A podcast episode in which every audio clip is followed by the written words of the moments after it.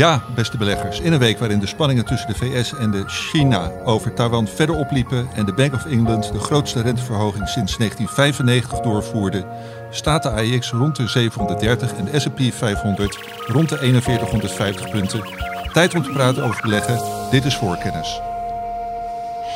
There are three ways to make a living in this business. Be first, be smarter, or cheat. I don't cheat. Beleggersbelangen presenteert voor kennis. Ja, beste beleggers, leuk dat jullie weer luisteren. Eh, na twee weken zijn we weer eh, aanwezig in de podcaststudio. Eh ook deze keer trouwens weer zit ik hier met Stefan Hendricks en Karel Merks. Alleen is de rolverdeling nu wat anders dan twee weken geleden. Eh, want eh, net als eh, de laatste twee podcasts die we hebben opgenomen, is de opzet weer iets anders dan dat u eh, door het jaar heen van ons gewend was. We behandelen één hoofdonderwerp in plaats van twee of drie. En dat is deze week de defensieve portefeuille. En nou, de rolverdeling die anders is, dat is dat Karel Merks de beheerder is van die defensieve portefeuille al sinds de oprichting. En nou, ik zal hem met, samen met Stefan Hendricks ondervragen over die, eh, over die portefeuille. Eh, en gelukkig hebben we ook heel veel leuke vragen van lezers gekregen. Dus eh, het gaat vast een hele mooie uitzending worden. Maar we beginnen toch wel eventjes met terugkijken op de afgelopen week. En wou ik eerst het woord geven aan Stefan. Stefan, wat is jou opgevallen? Nou, naast de enorme stroom van halfjaarcijfers natuurlijk. een aantal bedrijven die mij na aan het hart liggen, zoals Linde en Thermo Fisher en Sanofi. Allemaal prettig waren. Stroomprijzen in Duitsland, denk ik dat een van de thema's toch ook wel was het bezoek van ehm, Nancy Pelosi aan Taiwan. Ehm, misschien al eh, later wel gezien als een soort eh, eh, waterscheidingsmoment. Ehm, maar het, zette misschien de markten niet direct in rep en roer, hoewel er wel ontzettend veel over gepraat en over geschreven is. Maar mogelijk op lange termijn wel een, een bezoek met consequenties. Ja, nou ja, goed. Het viel mij eh, op inderdaad dat die markten nauwelijks eh, in beweging kwamen. Eh, zeker niet marktbreed en zeker niet voor langere tijd. Wat is daar dan de oorzaak van? Nou ja, het, kijk, het is natuurlijk niet zo dat met dat bezoek er opeens een oorlog ontketend zou worden. Het is wat je nu ziet, extra Chinese militaire oefeningen. En wat is het? eh, eh, importverboden, geloof ik. Nou allerlei zaken die je, zeg maar meer... ehm, nou, ik zou het niet... Pesterij is een beetje respectloos misschien, om het zo te zeggen. Maar onaangenaamheden, laten we het dan maar zo noemen... eh, die verder nog helemaal niks met een, eh, met een eh, oorlog te maken hebben. Risico's zijn natuurlijk ook enorm groot. Dus het is niet zomaar eh, eh, Oekraïne. Maar het is wel een, op langere termijn natuurlijk een, een heel onprettige situatie. Ook vooral ook omdat natuurlijk in ehm, Taiwan een van de belangrijkste halfgeleiderproducenten ter wereld zit. Ehm, en toen ik dit jaar eh, mijn, eh, een van mijn redactietips die wij ieder jaar geven, bestudeerde het Amerikaanse KLA Corp, eh, actief is in de halfgeleiderindustrie. je hebt die apparaten van KLA nodig als je halfgeleiders wil maken, want zij zorgen dat je kan controleren of de kwaliteit van die halfgeleiders goed is, onder andere. En hun belangrijkste klant is eh, TSMC, goed voor eh, meer dan 10% van de omzet. Dus de Taiwanese uh, halfgeleiderfabrikant. Nou ja, dat zijn allemaal zaken waar ik, daar had ik toen al over nagedacht. En ik heb het ook wel eens met Karel over gehad. Van, nou, het is toch een veiligheidsrisico waar we misschien op termijn wat mee moeten. En als je verder denkt, ehm, ja, misschien worden dan ook bepaalde chipproducenten die niet in Azië actief zijn eh, of daar niet hun, eh, eh, hun grootste productiebasis hebben, ook wel interessant. Dus de investeringsplannen van Intel eh, in de Verenigde Staten bijvoorbeeld. Dat, nou ja, dat, dat kan op termijn, hè, het is allemaal niet over een maand en vandaar dat de reactie misschien ook nog niet zo enorm was. Eh, maar dat kan op termijn natuurlijk nog wel consequenties gaan hebben. Ja, Maar bij sectoren zag je wel aardige bewegingen. Want een van de thema's die we bij beleggersbelangen volgen zijn de security eh, aandelen, de cybersecurity.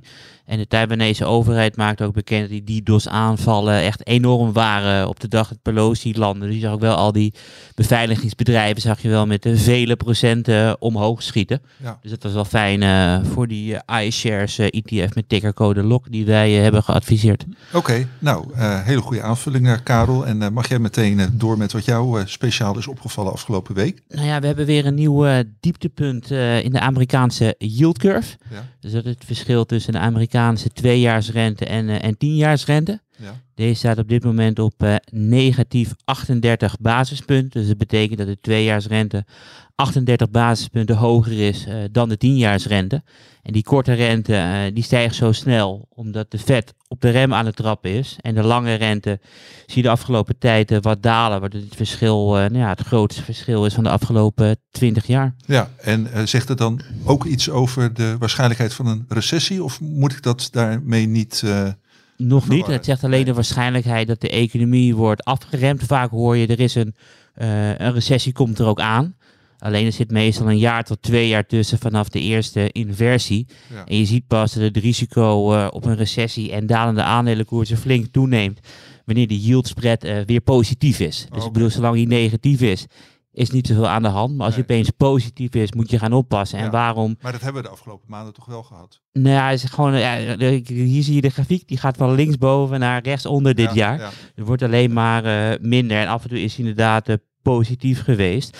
Alleen op het moment dat hij nu positief wordt, dan is de vraag van ja, waarom wordt hij positief? Ja. En waarschijnlijk is dan de reden eh, dat de Fed een aantal renteverlagingen aan het doorvoeren is, waardoor de yield curve eh, weer steiler wordt. En dat doet de Fed op het moment dat het de economie weer wil stimuleren in een recessie. Maar we zijn nu nog echt op het eh afremmoment. Dus we hebben nog even de tijd waarschijnlijk.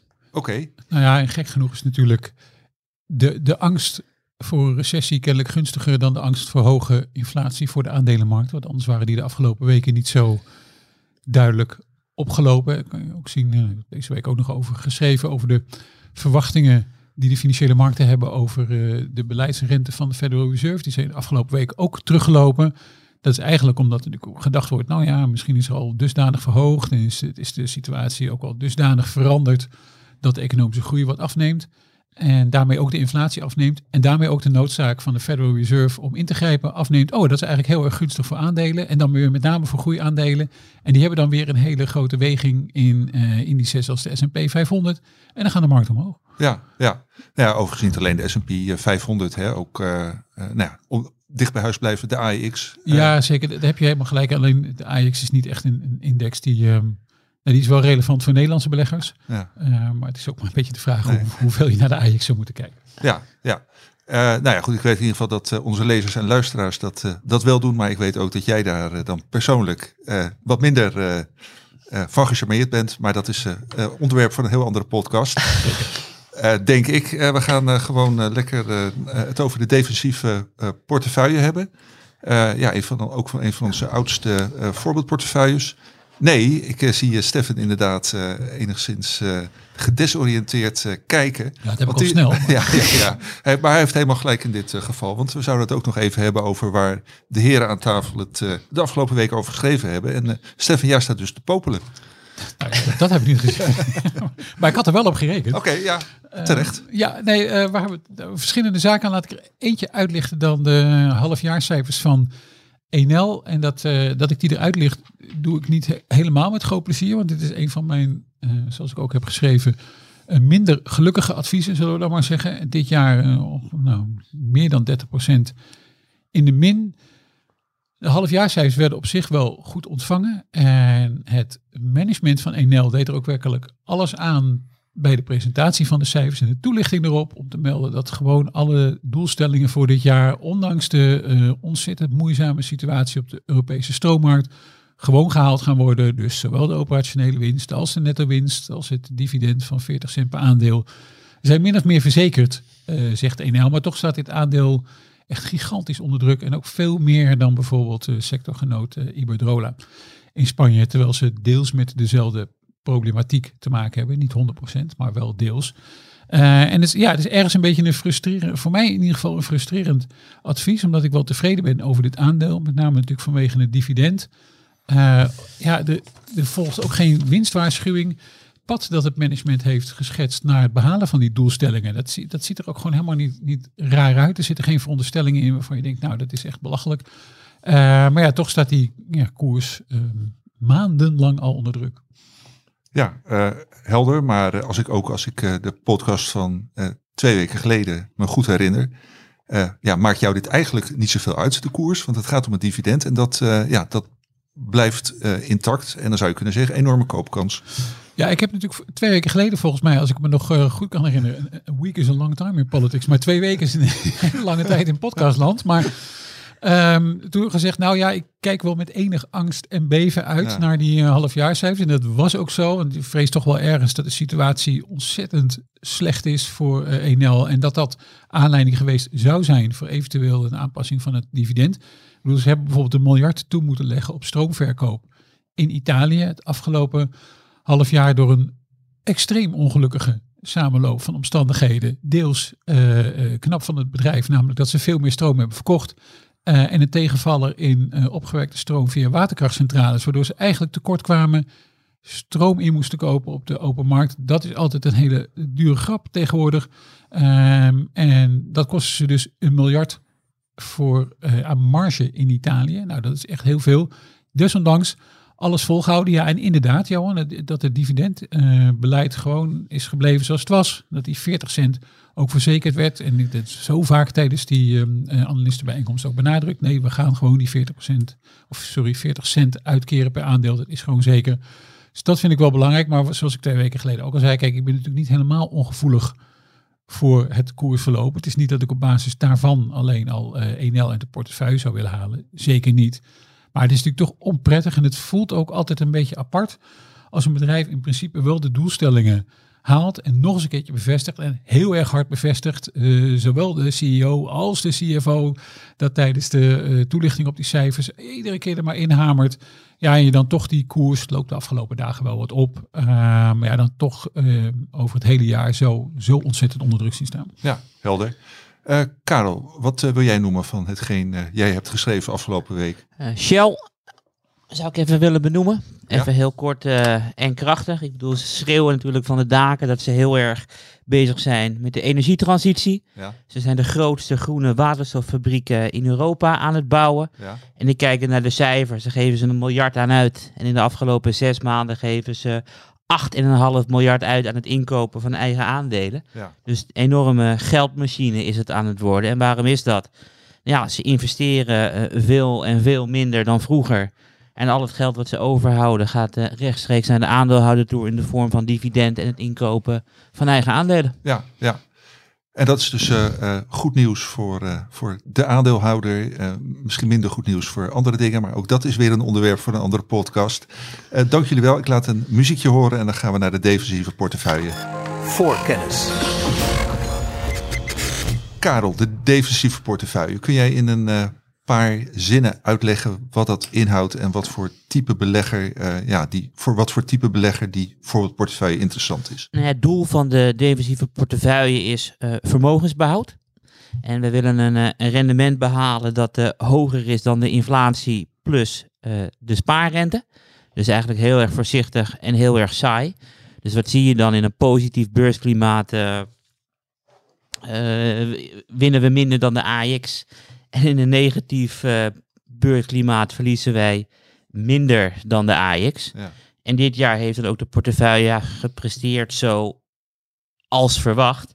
Want op het moment dat het helemaal misgaat, ik noem eventjes eh, 23 juni, toen Ja. stond de AX eh 21% in de min. Ja, En de defensieve portefeuille was toen 1% kwijtgeraakt. ja, Dus toen deden we het echt veel en veel beter. Ja, sindsdien is de AX met 15% eh, opgelopen, wat Ja. enorm is. Ja, en de defensieve portefeuille heeft in die weken 3% rendement gemaakt. ja, Dus we ja, zijn gewoon veel eh, stabieler. ja, en, en deze portefeuille is echt voor de beleggers die eh, op korte termijn een rustige rit willen hebben. ja, En op lange termijn de prijzen voor betalen door gewoon op een iets lager rendement uit te komen. Want aandelen kunnen echt enorm volatiel zijn. Ja. Als je bijvoorbeeld kijkt naar eh, de AIX, die is de afgelopen 20 jaar is een keertje met 70% onderuit gegaan en een keertje met 65%.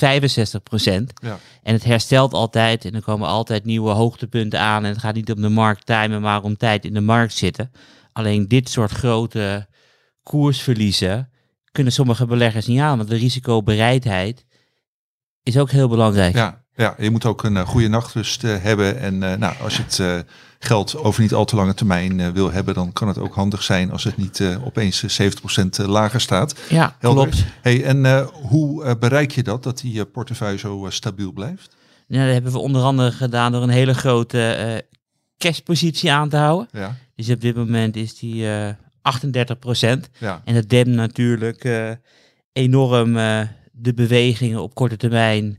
En op lange termijn zorgt er wel voor dat we nog een beetje rendement halen. Want de portefeuille is in 2010 gestart met fictief eh, een miljoen. ja, En op dit moment is de waarde 1,8 miljoen. Dus we hebben in 12 jaar eh, hebben we 80% rendement behaald. Maar het is wel heel erg rustig tot stand gekomen. Want op het Ja. moment dat je op het meest eh, dramatische moment eh, was ingestapt en op het meest dramatische moment was uitgestapt, dan was de portefeuille stond toen 11% verlies. Dus je hebt nooit een, een heftige rit dan 11% gehad. Ja. En de aandelen zijn natuurlijk, eh, nou ja, ik bedoel, in maart eh 2020 was het volgens mij al 30% wat er afging. ja, ja.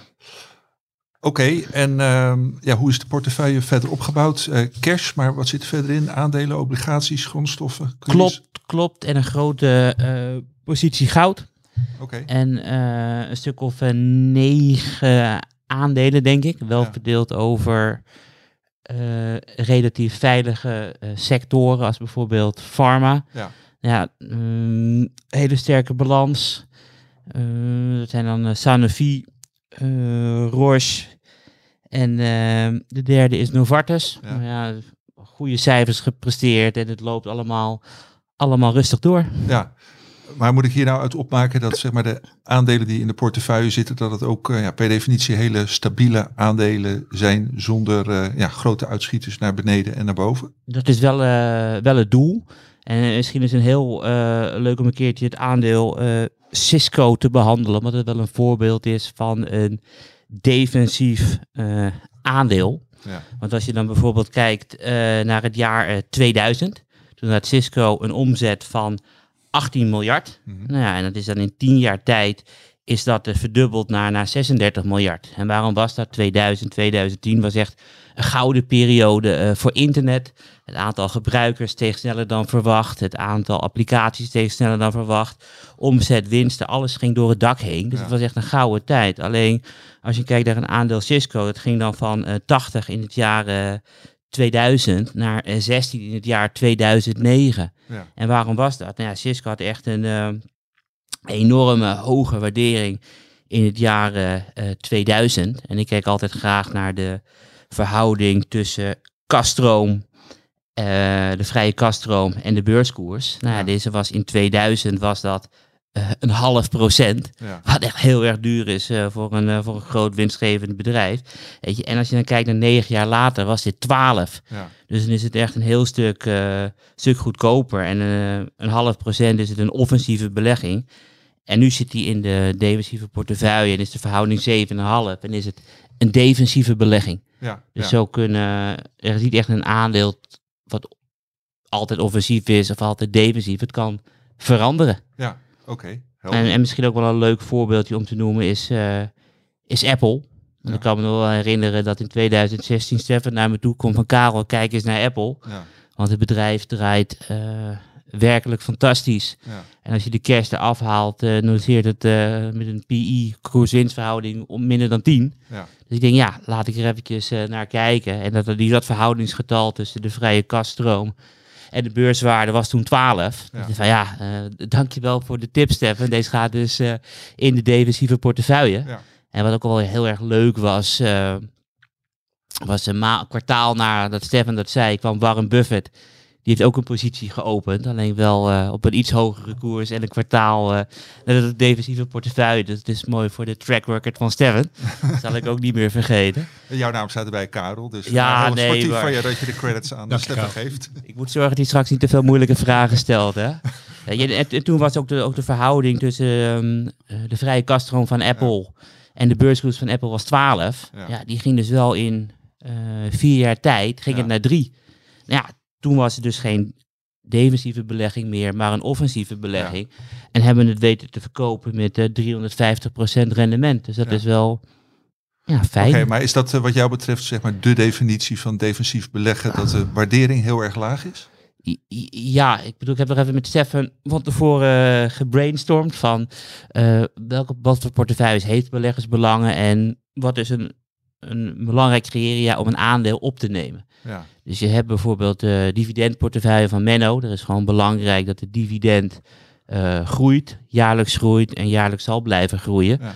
Eh, Stefan, de hoogdividendportefeuille is natuurlijk heel erg belangrijk dat het dividend eh, stabiel is en er geen kans is eh, dat het naar beneden gaat. En ik bedoel, de koers mag alle kanten op als het dividend maar eh, vast is, want daar moeten we van leven. ja, En ik denk dat de definitie van de defensieve portefeuille is dat daar aandelen in komen die niet sterk eh, zullen dalen. Dus om even die farmaceuten erbij te, te gaan ha pakken. ja. Hele sterke balans. Nou ja, er zal, zullen geen ongelukken mee gebeuren. Nee, Het zal ook geen spannende rit zijn. nee. En eh, is eh, de doelstelling ieder jaar eh, gehaald om eh, eh, ja, niet heel hard naar beneden te gaan? Nou ja, vanaf tussen 2011 en 2021 hebben we er altijd eh, een, een rendement behaald dat inderdaad hoger is dan de inflatie en de spaarrente, dus Ja. positief. Alleen dit jaar eh, gaat het wel helemaal fout. Want ja, de spaarrente is, eh, is wat opgelopen, dus die Ja. is niet meer negatief. Die begint nu positief eh, te raken, of die is al positief. Ja, Alleen de inflatie eh, is wel 10%. ja, Dus ja, dit jaar halen we onze doelstellingen bij lange na niet. nee. En nu is er wel een hele inter- interessante discussie ontstaan van, is het tijdperk veranderd? Ja. Was de inflatie tijdelijk ja, of niet? Nee. En, en dat is heel erg moeilijk om te bepalen. Want iedereen denkt natuurlijk dat als er inflatie is, ehm, dat het er voor altijd zal zijn. Ja, Maar dat hoeft natuurlijk niet. Nee. En ik ben ook wel heel nieuwsgierig eh, eh, hoe Stefan daar tegenaan kijkt. Want hij is natuurlijk ook eh, economie gestudeerd, econoom en weet ook heel veel van de inflatie. Maar ik zal eerst even mijn idee vertellen en dan kan Stefan er rustig over nadenken. Nee, je hebt natuurlijk, ik denk dat nu het huidige probleem is dat het vooral een probleem is aan de, aan de vraagkant. Ehm, met, met als gevolg dat de prijzen heel sterk stijgen vanwege de problemen in de productieketen. ja, gewoon inhaalvraag na corona. Ja, Ja. maar dat is, ik bedoel, sommige mensen zeggen het is nieuw, maar ik denk dat het helemaal eh, niet nieuw is. Want we hebben het natuurlijk vaker gezien. Maar ik bedoel, wanneer was de laatste keer dat de productieketen compleet op zijn gat lag? Dat was vlak na de Tweede Wereldoorlog. Mhm. Want op het moment dat we oorlog gaan voeren, eh, dan kunnen we ook niet meer overal met de schepen naartoe varen. Er zijn ook havens dicht. Dus je zag dat in 1946 en 1947 was er echt een enorme inflatie die opliep eh, naar 19 procent. Ja. En het kwam onder andere dat eh 11 procent van de Amerikanen die eh, geleefd hebben in de Tweede Wereldoorlog gevo- eh, gevochten hebben. Dus gewoon Ja, 11 procent, wat enorm is. Maar ja, al die 11 procent eh, kwamen wel weer terug eh, naar de Verenigde Staten toe. Ja, Waardoor daar de consumptie in één keer door het dak ging. En eh, bedrijven konden vragen wat ze willen. Waardoor de inflatie heel erg steeg in 46 en 47. ja, Alleen in 48 had de inflatie eh, de economie gekild. En dan had je een recessie. En hadden we 2% inflatie of deflatie. Dus Ja. kwam het, en dan, als je dan weer teruggaat, had je ook naar de Eerste Wereldoorlog. Ja. Ik bedoel, begin jaren Dus 20. jouw, jouw theorie is kort gezegd, eh, als je, hebt kunnen een paar jaar eh, eh, hele hoge inflatie hebben, maar dan is het ook afgelopen. ja, misschien is dit maar, maar tijdelijk en gaan Ja. we straks weer terug. En wat is jouw mening daarover, eh, Stefan? Poeh. Nou, de, ehm, kijk, er zijn een aantal effecten die zou je misschien als tijdelijk kunnen zien. Inderdaad, eh, inhaalvraag, wat net samenvalt eh, met het uitbreken van een oorlog, waardoor je dus ook nog een keertje eh, de hogere energiekosten erbovenop krijgt, die natuurlijk voor enorme inflatie zorgen, wat hopelijk geen blijvend effect is. Ehm, wat altijd natuurlijk eh, spannend is, is komen dit soort effecten ook terug in loonstijgingen. Want dan heb je een heel ander verhaal te pakken natuurlijk. En wat mij in ieder geval nu opvalt, dat ik best ja, opmerkelijk vind, is dat er zo ontzettend moeilijk aan goed personeel te komen is. Je zou denken, nou dat moet op een gegeven moment toch ook opwaartse druk gaan geven op de lonen, waardoor je misschien, nou, waardoor misschien die, die periode van hele lage inf- inflatie in Europa, zelfs tegen de deflatie aan, dat dat misschien wel een tijdje achter ons ligt, waardoor je ook wel wat ander regime op de financiële markten krijgt. Of het heel extreem wordt, van inflatie van 4, 5 procent of erger nog, dat weet ik niet. Maar de, de periode die we gehad hebben met al maar dalende rente, je moet je voorstellen dat als je vastrentende belegger was, en je bent ergens in de jaren 80 begonnen, ja, een beetje, ik bedoel, dit bedoel ik niet helemaal respectloos hoor, maar je had eigenlijk gewoon op je achterwerk kunnen blijven zitten en gewoon de lange rente zijn werk kunnen laten doen zonder dat je echt fantastische dingen had verzonnen. En je had toch nog eens heel veel geld verdiend, omdat die rente maar daalde, daalde en daalde. Mede ook omdat er natuurlijk door de eh, toelating van China tot de Wereldhandelsorganisatie, eh, door de val van de muur opeens heel veel arbeidskrachten kwamen eh, op de wereldeconomie. En die hebben natuurlijk een ontzettend prijsverlagend effect gehad. Nou, dat is allemaal wel een beetje over, denk ik.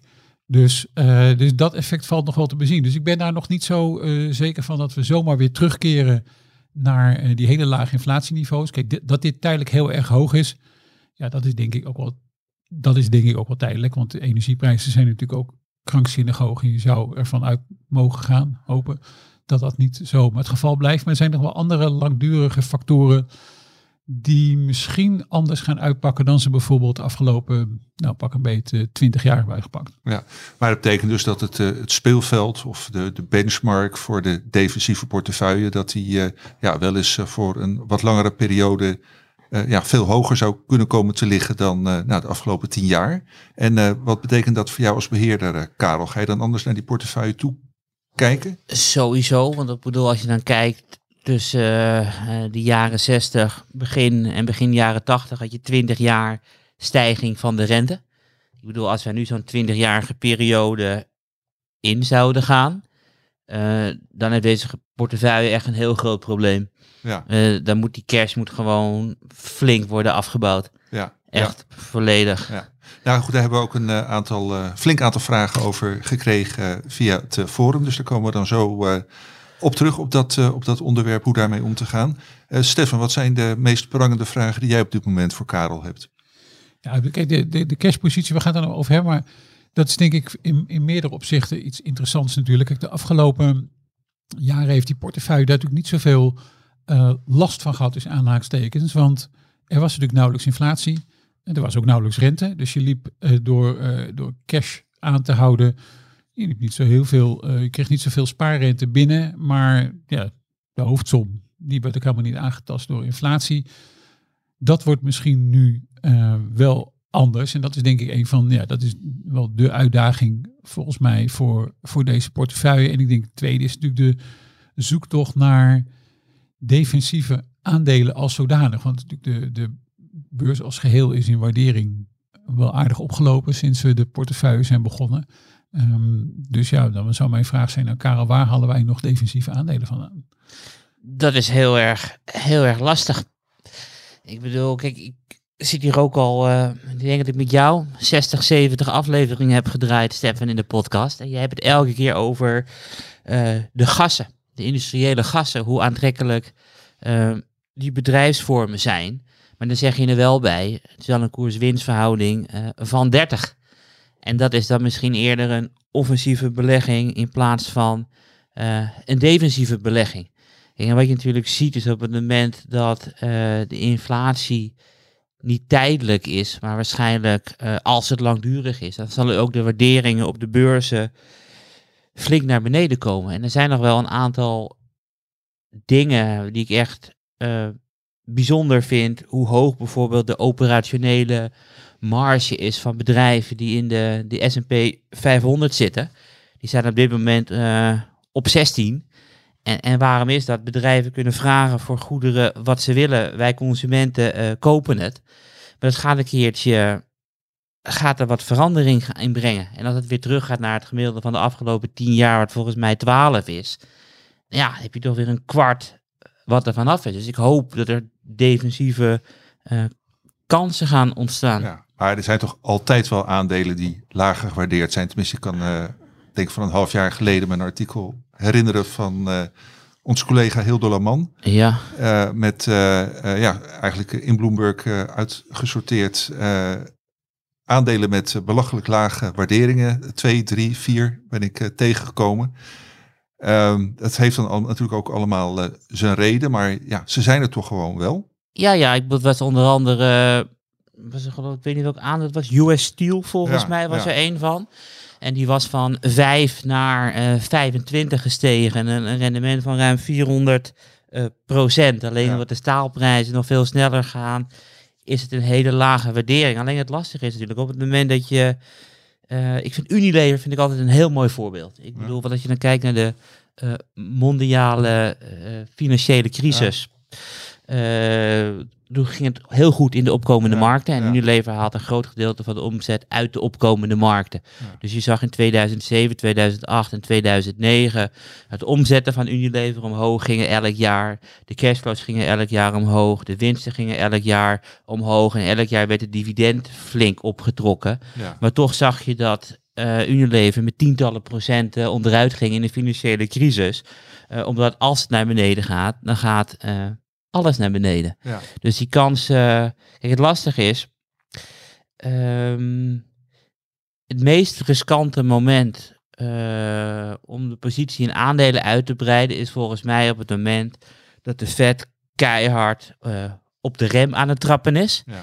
En we gaan binnenkort, is het 1 september. Nou ja, vanaf 1 september is er maandelijks quantitative tightening aan 95 miljard. Het omgekeerde van Ja, quantitative easing. Dus Ja. Ik denk dat er een risicovolle periode aan gaat komen. Dus natuurlijk het allerbelangrijkste is natuurlijk eh, lekker slapen Ja. en eh, geen grote bewegingen. Nee, Ik ben heel nieuwsgierig wat je opzocht in de, Ja. op je telefoon, Stefan.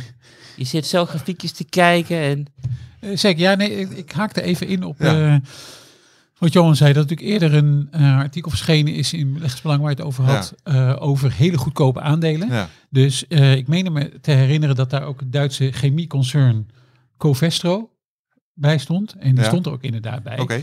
Ehm, wat mij, eh, ehm, eh, die hebben ook kort geleden cijfers gepresenteerd. Die waren niet fantastisch. En het bedrijf heeft het ook niet zo makkelijk. Wat me namelijk ook op de volgende gedachte bracht. Kijk, een, een aandeel dat laag gewaardeerd is, is niet noodzakelijkerwijs een defensieve belegging. Dus Covestro was eh, in maart, toen het artikel geschreven werd, een laag gewaardeerde belegging. En is inmiddels een lager gewaardeerde belegging, denk ik. Want er is ongeveer een kwart van de koers af, als ik het zo snel even Mhm. zag. En ik was natuurlijk heel snel even aan het opzoeken Ja. waar u aan het praten waren. Ehm, dus het is niet zo, kijk, er zijn ontzettend veel laag gewaardeerde aandelen te vinden. De vraag alleen is of dat dan ook defensieve aandelen zijn. Ja, ja. Dus, ehm, Maar wat, wat is er dan extra voor nodig om het defensief te maken, behalve die lage waardering? nou ja, kijk, dat, die vraag zou ik bijna naadloos willen doorspelen naar Karel. Maar misschien zal, kan ik iets korts over zeggen. Je zou eh, willen dat ondanks de lage waardering, eh, of nee, niet ondanks, maar dat met de lage waardering er ook sprake is van eh, relatief weinig neerwaarts risico. Dat is Ja, eigenlijk wat ja. je idealiter zou willen natuurlijk. Als je toch een aandeel hebt met een lagere waardering, maar bijvoorbeeld heel erg cyclisch is of ontzettend grondstofafhankelijk, eh, dan hebben we het niet meer over een heel defensieve, voorzichtige belegging. Eh, denk ik dus een aantal ehm, aandelen die in portefeuille is gekomen, of we nou een Sanofi noemen of nog een aantal andere, die zijn wel in de portefeuille gekomen op koers-winstverhoudingen geloof ik van 9. Ehm, op het moment dat je bepaalde farmaceuten kan kopen voor 9, 10, 11, 12 keer de winst, weet je dat er niet zo ontzettend veel mis kan gaan. Het zou heus wel zijn dat die bedrijven misschien een paar jaar lang het een beetje moeilijk hebben. Is met AstraZeneca gebeurd, met Sanofi gebeurd. Maar het echte neerwaarts risico, de kans dat je er dan toch nog eens een keertje 25, 30, eh 35 procent op verliest, is niet zo heel erg groot. Dus het neerwaarts risico is altijd wel iets dat je in je achterhoofd moet houden. Ja. Eh, nou, dat sluit eigenlijk ook wel weer naadloos aan bij eh, de eerste vraag die binnenkwam van de abonnees. En die vraag luidt, hoe vindt het selectieproces plaats, top-down, bottom-up? Anderszins, welke criteria gelden voor opname in de portefeuille? Nou, dat hebben we dus net eh, gehad over de waardering en over het neerwaarts risico. Wat zijn nog andere belangrijke criteria, Karel? Ehm, ja, spreiding is uiteraard. Ik hoef, maar eerst even te beantwoorden of het dan top-down is of bottom-up. Ik hoef, we kijken altijd eh, top-down. Ja. Eh, meer, meer, meer als reden. Ik bedoel, we willen wel een, eh, een, een portefeuille die niet zal halveren. Nee. En op het moment dat je dan bottom-up kijkt, kan er misschien veel te veel aandelen inkomen. Dus we kijken van, van top-down. Ja. En, en het belangrijkste selectiecriteria is gewoon een bedrijf eh, wat heel sterk is, eh, goede cashflow, hele grote eh, balans die Ja. tegen een stootje kan en er een, een crisis zal overleven. En het belangrijkste is dat die waarderingen gewoon niet te hoog zijn. Ja. Want ik bedoel, een van de grootste problemen is een dalende waardering. Ja. Dat willen we gewoon ten alle tijden voorkomen. Ja, nou, daar hebben we het inderdaad uitgebreid over gehad. Dus dat lijkt me duidelijk. Dan, eh, ja, een heel andere vraag. Is het niet volstrekt onverantwoord, eh, Karel? eh, vraagt deze abonnee zich af. Ja, Om een zo grote positie in goud aan te houden voor een portefeuille die zich defensief noemt. Wat kun jij daarop zeggen? Nou ja, wat ik daarop kan zeggen is dat goud nog steeds een van de best presterende assetclasses is van deze eeuw. Ja, Ik bedoel, als je kijkt naar de AEX, inclusief dividend, heeft een rendement deze eeuw behaald van 138 En als je kijkt eh, naar goud, eh, heeft het inmiddels een rendement van ruim 500% behaald. ja, Weet je, en ik denk eh, dat de reden daarvan is dat we van de ene eh, zeebel eh, naar een andere eh, zeebel hebben gerold in de afgelopen twintig jaar. ja. Dus wat natuurlijk de TMT-zeebel, de technologie, media en, en telecom, ja. die leegliep.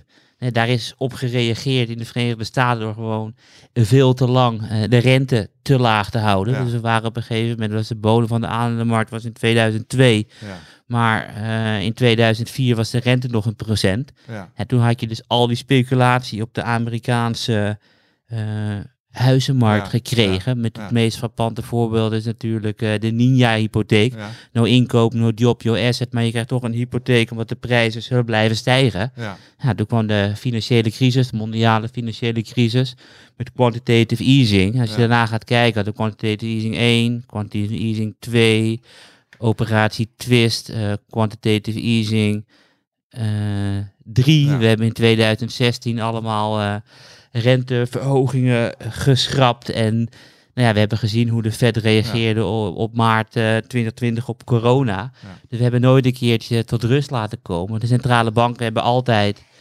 eh, actie ondernomen. En ik denk dat die tijd eh, nog niet voorbij is. Nee. Hey, Dus, en en- wat, eh, wat, hoe, hoe groot is de positie in goud? Dat is 25 procent. En Ja. je kan je ook eh, afvragen van wat is de reden dat we in de afgelopen jaren eh, meerdere grote centrale banken gezegd hebben van ja, we willen dus onze goudpositie willen we uitbreiden. Ja, En daarnaast was geloof ik Duitsland en volgens mij ook Nederland die gezegd heeft van ja, we willen eigenlijk wel meer van onze goudvoorraad in, in eigen land beheren Ja. en niet meer in het buitenland. Nee. En omdat die centrale banken eh, goud aan het kopen Ja, zijn, ja. betekent het wel dat het nog een soort monetaire eh, waarde heeft, uiteraard. En Ja. als je dan kijkt naar, wat ik ook wel leuk vind, is van de, de data van Siegel, die heeft vanaf 1802 gekeken eh, hoe aandelen, obligaties en goud hebben gepresteerd. En goud heeft gewoon in de afgelopen 220 jaar altijd zijn koopkracht behouden. ja. En dat kan je niet zeggen van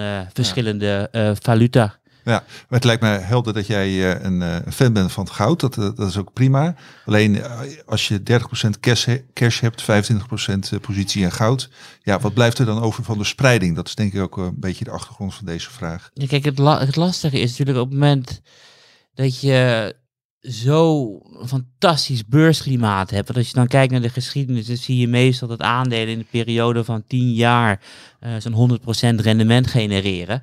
Ja. En als je dan even de mondiale eh, financiële crisis vergeet, je gaat gewoon even kijken ergens in het herstel in 2011 of 2012, dan zijn met Amerikaanse aandelen ook bijna 400% rendement eh, gemaakt, Ja. inclusief dividenden. Dat is zoveel meer dan waar je volgens mij eh, recht op hebt. Want ik geloof nog steeds in een 7 à 10 procent per jaar. En alles wat er erboven zit, haal je volgens mij een stukje van de toekomst naar voren. Ja. En uiteraard op het moment met, met hindsight van...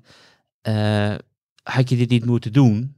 Maar ja, ik weet niet zo zeker of we dit hadden kunnen zien aankomen allemaal. Nee, en ik nee. zie de wereld eerder instabieler worden dan eh, stabieler. Ja, en dan is eh, goud. eh, ja, ja, Kijk, en eh, goede het, om lastige van goud is van, ik bedoel, die 500% rendement lijkt dan enorm veel en eigenlijk niet te kunnen. Nee, En je ziet ook vaak dat goud, of vaak, of het is gewoon zo, in, in, in ruim 80% van het aantal dagen deze eeuw daalt de goudprijs. Mhm. Alleen er zijn een paar momenten dat de goudprijs werkelijk omhoog is gespoten.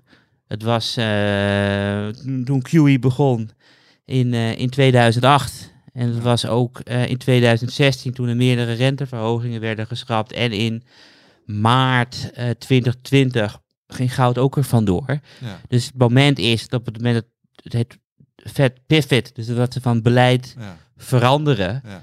Nou ja, en dan is het te laat, dan moet je het gewoon hebben. En ik zie het als een, een, een, een stabiele factor. Ja. En ik geloof niet eh, dat we nu teruggaan naar een economische rustige tijd. Nee, Stefan wil volgens mij wat eh, toevoegen. Eh zet je nou wat vragen aan, Karel? Oh, mag.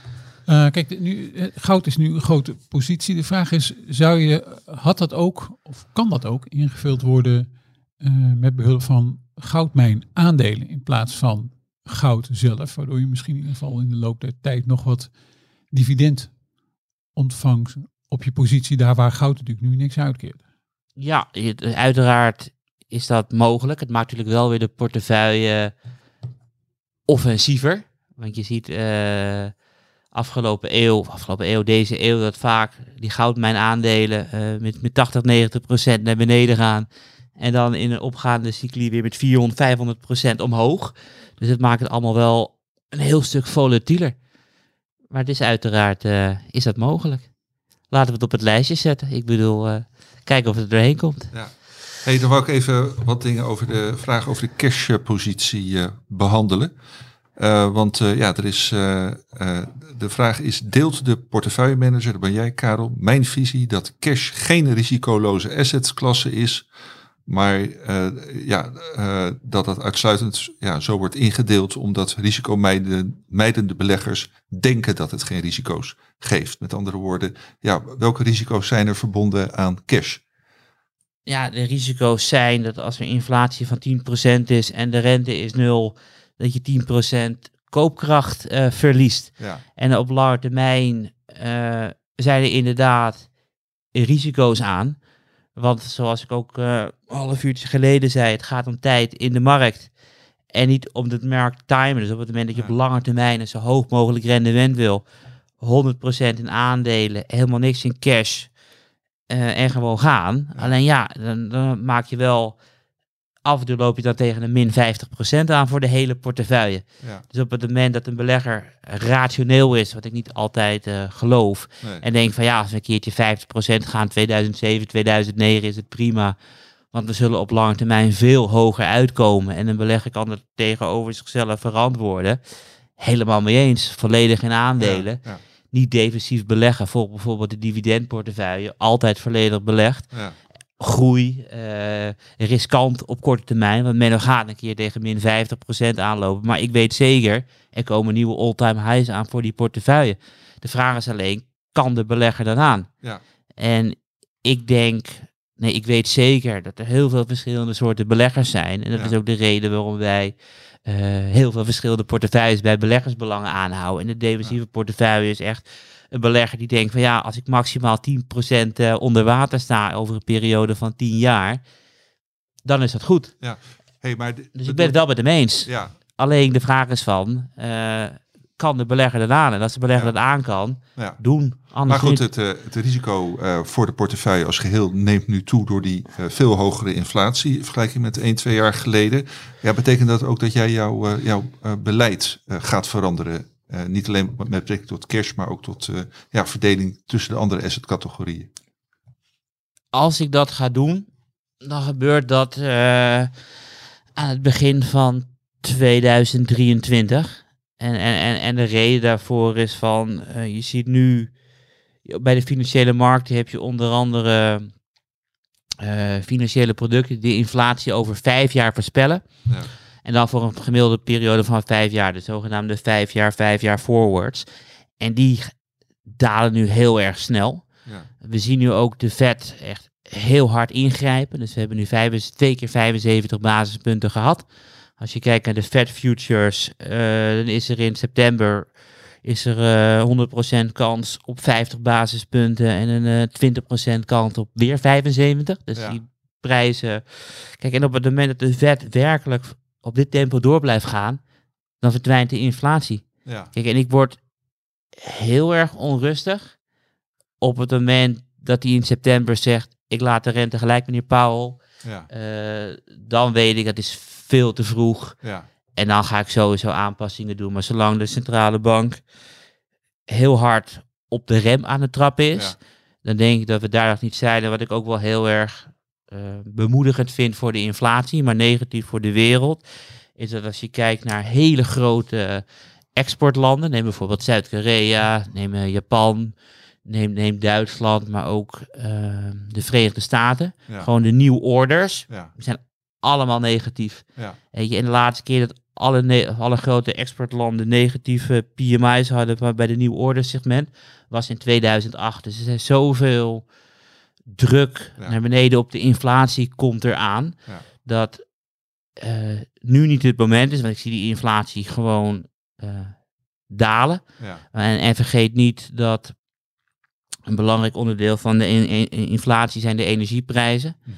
We hebben een vat olie Brent is 140 geweest in maart. Ja. Op het moment dat eh, in maart 2023 de olie 140 is, wat heel erg hoog is, Ja. is de invloed op de inflatie van olie is nul. Ja. Omdat de prijzen van olie niet gestegen zijn. Dus ik zie die inflatie zie ik weer dalen. Maar als het niet gaat gebeuren en de Fed gaat gas geven, dan eh, ga ik heel hard ingrijpen.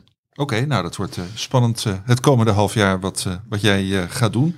Dan nog over een andere asset categorie, eh, obligaties. Abonnee merkt op, er zit één obligatiepositie in de portefeuille. Eh, is er gegeven de ja, ontwikkelingen dit jaar niet eh, mogelijkheid om eh, ja, nog meerdere posities in obligaties te openen? Kun je daar iets over zeggen?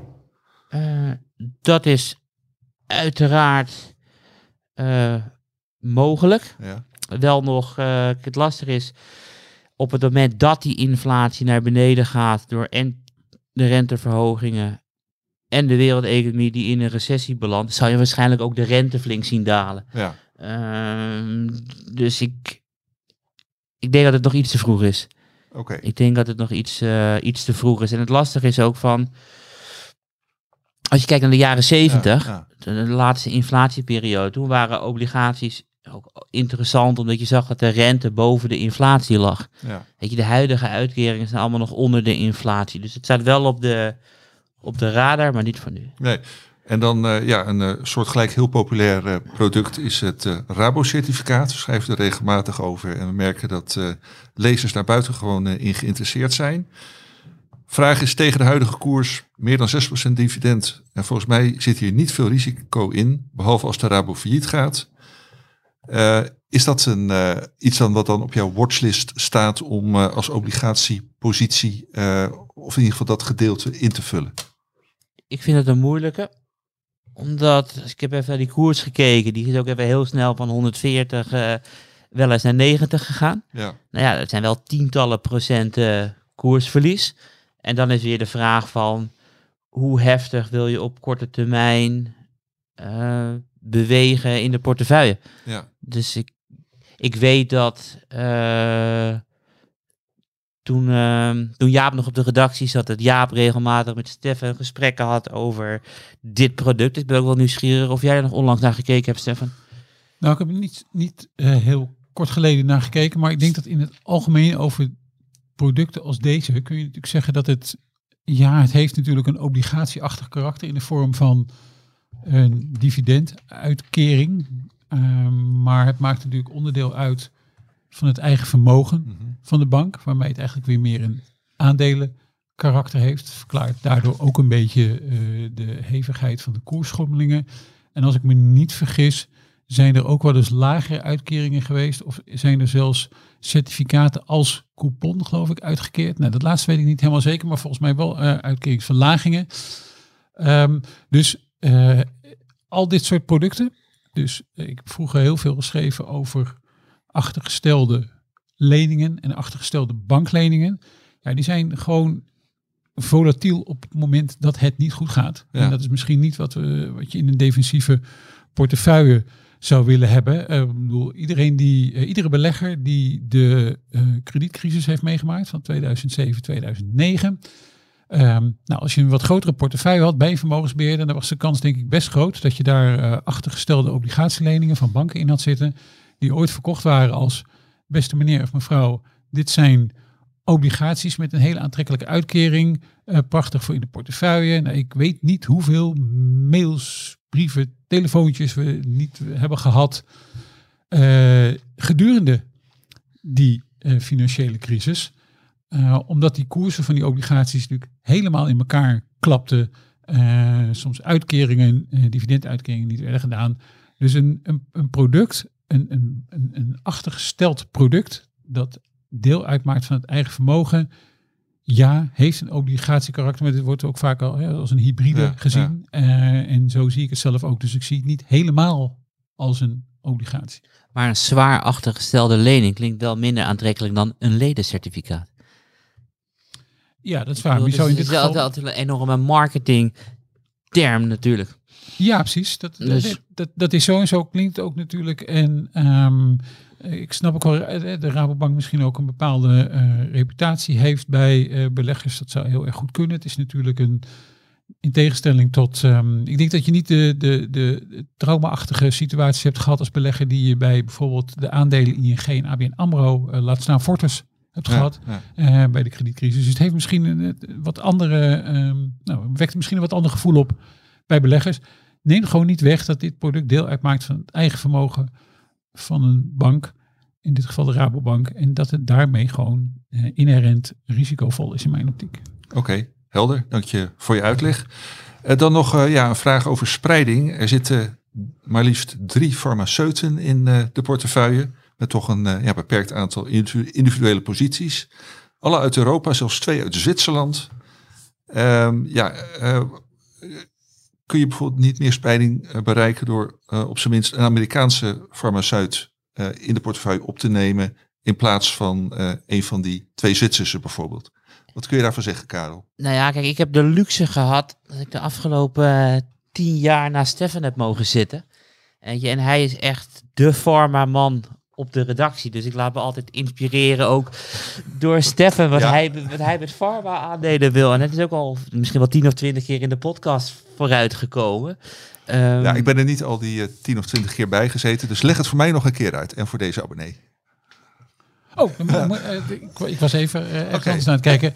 Eh, ja, Karel keek ook eh, zo naar mij van... eh, eh, nee, eh, dat kan ook. Eh, Er is geen reden om eh, Amerikaanse farmaceuten uit te sluiten. Eh, we hebben ook gewoon de afgelopen tijd veel koopadviezen gegeven op Amerikaanse farmaceuten. Sterker nog, in een andere portefeuille, de hoogdividendportefeuille, zitten er twee. AbbVie en Pfizer. Ik heb nog altijd een koopadvies staan op Merck, Amerikaanse farmaceut. Ook veel geschreven over Eli Lilly. Uh, dus nee, er is geen reden om dat, uh, om dat niet te doen. Maar deze drie voldoen ook, ook zeg ik, dus niet alleen maar of exclusief, maar voldoen ook uh, aan het profiel van een stabiele onderneming, relatief gering neerwaarts uh, risico en een ijzersterke balans. Nou ja, dat, daar voldoen ze allemaal aan. Um, had, had daar ook Pfizer tussen kunnen zitten? Ja, was dat prettig geweest? Ja, was waarschijnlijk heel prettig geweest de afgelopen tijd. Maar een tijd lang heeft Pfizer het ook gewoon helemaal niet zo goed gedaan. Dus het is ook een beetje op en af. Hoeveel wil je muteren in die ja. posities? Uh, denk ik, als, als ze doen nog wat je uh, wil dat ze doen, is het misschien niet direct noodzakelijk om daarin in te grijpen. Maar het is niet zo dat er een. Um, uh, ik heb nooit tegen Karel gezegd. Doe geen Amerikaanse farmaceut in de defensieve portefeuille. Oh nee, nee, nee zeker niet. Nee, zeker niet. Alleen, nou, heb, ik, heb, ik nog een, nog een uh, vraag die jullie volgens mij uh, heel goed samen kunnen beantwoorden. Dan doe ik deze wel. Hoewel Roche en Novartis niet meer in de hoogdividendportefeuille zitten, uh, zit er met Enel en Münchner Rück relatief veel overlap tussen beide portefeuilles. Zien we hier de hand van mede-portefeuillebeheerder Stefan Hendricks. Waarom deze aandelen wel geleend en andere niet? Nou, Karel, dat eh Ja, ik de weet ook- nodige diplomatieke gave van jou om dat eh, goed uit te nou ja, leggen. ik weet ook zeker dat deze eh, via Stefan in de defensieve portefeuille zijn gekomen. Kijk, en de reden was, ik zag staan dat ze in 2014 eh, waren opgenomen. Ja, Weet je, en ik ben natuurlijk een jaartje of anderhalf jaar of twee jaar ben ik niet bij beleggersbelangen even buiten de deur wezen kijken. En toen Ja. was Stefan, heeft toen de defensieve gedaan. ja, En zo is, is München Ruuk erin gekomen. Ja, wat het natuurlijk is, het is een hele mooie eh, herverzekeraar. Die eh, de premies kan, eh, kan blijven verhogen en gewoon heel erg goed aan het draaien is. En daarom zit hij in defensief. oké. En dan, eh, Of wil je nog toevoegen, Stefan? Nou ja, kijk, de- ja, waarom eh, vo- was de vraag waarom niet een grotere overlap? Of, of was de vraag nou, dit is een grote nou, overlap? waarom deze aandelen wel geleend en andere aandelen niet? Ehm, nou, de- om de, ja, andere aandelen hadden ook ge- geleend kunnen worden. Het is bijna eerder eh, omgekeerd geweest. Hè. De defensieve portefeuille Ja. was er bijvoorbeeld voordat de hoogdividendportefeuille er was. Eh, dus die aandelen zijn later in de hoogdividendportefeuille gekomen op basis van het feit, eigenlijk een beetje eh, op soortgelijke eigenschappen, ehm, sterke balans en verzekering van dividend. Eh, Ja. Dus daarom ja, zijn er meerdere aandelen te lenen. Ehm, ja en nee. Eh, ja, er, zijn nog een aantal aandelen. We hebben het net gehad over een aantal eh, farmaceuten eh, bijvoorbeeld. Die zijn ook heel erg solide. Die zouden ook van hoog dividend best nog naar defensief kunnen. Maar goed, er zitten er al drie in. Oliemaatschappijen, er zit ook een, die overlap is niet genoemd, maar Chevrons maakt natuurlijk vanaf het begin af aan deel uit van de hoogdividendportefeuille, later opgenomen in de defensieve portefeuille. Dus dat is de derde overlap. Totaal Energie zit ook nog in de hoogdividendportefeuille. Zou qua karakteristiek, denk ik, ook best kunnen passen in de defensieve portefeuille. Maar de vraag dan is weer hoeveel oliebedrijven wil je erin hebben. Dus ja, je, kunt de overlap wel eh, doen, maar je moet ook even goed kijken eh, waarom je welke aandelen hebt. Dus er zijn ook gewoon aandelen, ehm, nou ja, bijvoorbeeld een, een BAS F. Daar hebben we een heel hoog dividendrendement op gekregen in de hoog dividendportefeuille. Maar als ik naar het koersverloop kijk, word ik natuurlijk niet heel erg blij. Ehm, we hebben een andere ehm BAE Systems, defensieproducent, opgenomen in de hoog dividendportefeuille. Toen we die opnamen was het misschien een ietsje risicovoller aandeel. Ik dividend vond ik wel heel erg veilig, maar het, ehm, eh, de, ja, de koers kon nog wel eens wat sprongen laten zien. Ja, dat is nu toevallig, nou, nou, toevallig, maar dat is fantastisch uitgepakt. Helaas door een onaangename aanleiding, namelijk oorlog in de Oekraïne. Eh, in Oekraïne. Ehm, dus ja, je, je, kunt wel meer eh, aandelen lenen. Er zijn ook nog wel aandelen uit andere portefeuilles die je zou kunnen lenen. Maar het hangt er ook een beetje af van, eh, zeg maar wat Karel als hoofdbeheerder, hoeveel aandelen die wil en hoe groot die positie moeten zijn. Helder. Ehm, nou, we hebben een hoop interessante vragen behandeld. Eh, ik wilde eigenlijk het onderwerp defensieve portefeuille afsluiten, tenzij jullie nog een hele dringende opmerking daarover hebben. Stefan niet, Karel volgens mij ook niet. Voorkennis. Ja, en dan zijn we, beste beleggers, weer door dit uur heen eh, gevlogen. Maar eh, we kunnen natuurlijk niet afsluiten zonder eh, Karel en eh, Stefan te vragen waar zij eh, met name op gaan eh, vooruitblikken. Karel, wat is dat eh, in jouw geval? Eh, morgen vrijdag komen de Amerikaanse arbeidsmarktcijfers uit. Ik vind het persoonlijk interessanter dan in de afgelopen maanden. Omdat de Fed heeft gezegd van we gaan doen niet meer aan forward guidance. We worden data dependent. Dus je Ja. zal waarschijnlijk op cijfers waarbij we een, een afleiding kunnen krijgen van wat de inflatie zou kunnen zijn. eh, wat meer beweging op de financiële markten. Ja. Dat vind ik wel interessant. Eh, daarnaast uiteraard eh, Duitsland. Ik bedoel, er wordt het ene record naar het andere record eh, gebroken. Vorige week bleek dat de winkelverkopen over juli 8,8% eh, eh, zijn gedaald. Dat Ja. was de laagste sinds eh, 1952. En de elektriciteitsprijzen zijn sinds deze week eh 1000% hoger dan de gemiddelde elektriciteitsprijs over de afgelopen 10 jaar. Ja. Dus daar ben ik wel heel nieuwsgierig hoe, daar, eh, hoe het daar gaat. Dus ook elke dag eventjes de elektriciteitsprijzen kijken. En eh, voor de rest gebeurt er ook weer een hele hoop eh, cijfers komen voorbij. Want we zijn nog steeds in het hoogseizoen. Oké, Dus genoeg eh, te doen. ja, helder. Stefan, waar kijk jij met name naar uit? Nou, die stroomcijfers inderdaad, dat is, dat is wel een belangrijk ding. En ook hoe Duitse bedrijven daarop gaan reageren. En hoe ze zichzelf langzaam maar zeker uh, klaar moeten gaan maken. Natuurlijk voor het uh, herfst- en winterseizoen. Waarin, ja, ja, waarin vraagteken. Hoe gaan we dat eigenlijk oplossen met die aardgasprijzen? Met name kijk ik dan ook weer uh, opnieuw met enige angst en beven naar Bas F. Want die hebben natuurlijk een joekel van een fabriek staan in de Ludwigshaven. Volgens mij is het de grootste chemische fabriek, geloof ik, van Europa zelfs. Bas F is een van de grootste aardgasverbruikers in Duitsland. Ja, dus als daar iets gebeurt, dan, dan zal dat wel consequenties ook gaan hebben. Dus dat is iets wat ik ook in de gaten hou. Maar dat is een onderwerp dat we volgens mij zo ongeveer iedere week uh, hier kunnen gaan doen. het blijft ook wel spelen, dus het is niet flauw bedoeld, maar het is, uh, het is ook iets wat altijd maar terug blijft keren. Ja, het is deze week ook Frankrijk natuurlijk. Want wat ik dus ook niet wist, is dat als het een beetje warm weer is, dat je die kerncentrales moet stilleggen. Ja, Frankrijk is wel een beetje een apart geval. Uh, ook daar zouden we trouwens nog een halve podcast kunnen voldoen. En, uh, met name EDF, de Franse uh, elektriciteitsproducent, genationaliseerd. Of dan ze plannen liggen ervoor om te nationaliseren. Ook al omdat, en daar heeft dat ook mee te maken denk ik Karel, dat de Franse kerncentrales her en der wel wat ouder zijn. En degene die nieuw moet komen, onder andere die in Flamanville, als ik me niet vergis, um, dat, dat duurt even. Um, zit de een naar de andere vertraging en kost een hoop geld. Dus dat is wel iets wat in Frankrijk een, een, rol speelt. Normaal gesproken zou je denken dat land moet niet zo heel veel last hebben van aardgasprijzen als je uh, een goed werkend systeem hebt van kerncentrales. Dat is er dus niet. De uitval in Frankrijk, ik hou die cijfers wel eens bij, dat is echt bar, bar en boos. Dat is echt heel erg. Maar het heeft dus te maken met de ouderdom van de elektriciteitscentrales. Dus nou, stroom, daar blijven we naar kijken. En dan kort nog wat cijfers. Morgen komt uh, Duitse defensieproducenten. Morgen is dan vrijdag. Uh, wie luistert, het kan dan al vandaag zijn voor sommigen. Of gisteren. Of gisteren. um, uh, Rijnmetaal komt ja. met halfjaarscijfers. Vandaag hebben we andere Duitse producenten gehad. Henselt. Um, je ziet dat beleggers kennelijk een heleboel verwachten van die bedrijven. Want cijfers van Henselt werden niet zo goed ontvangen. Terwijl er eigenlijk niet zo heel veel mis mee was. En ook volgend jaar, volgende week bedoel ik, uh, we hebben het al over gehad, München Ruk, de herverzekeraar, komt ook met cijfers. En dat is um, ook wel heel erg interessant in verband met alle schades die er ook de afgelopen maanden weer zijn geweest, in verband met de oorlog en het uh, orkaanseizoen wat er ook weer aan gaat komen. Oké, wat een uh, gezelligheid wou ik bijna zeggen, maar dat, dat is niet zo. En dat is helaas beleggen ook niet altijd. dank jullie wel, Stefan en Karel, waar we het volgende week in ieder geval ook over gaan hebben. Dat is de Nederlandse portefeuille. En dan hebben we hier weer een rolverdeling, want die beheer ik namens de redactie. dus dan zit ik op de stoel waar Karel nu zit. Dan zit Maarten Butterman op mijn presentatorstoel. En dan zit volgens mij... Uh, uh, Karel uh, ook nog op de stoel waar Steffen nu zit, namelijk als degene die lastige en kritische vragen stelt. Dus nou, ik heb een week om me daarop voor te bereiden. dank jullie wel, luisteraars. We gaan afsluiten en tot volgende week.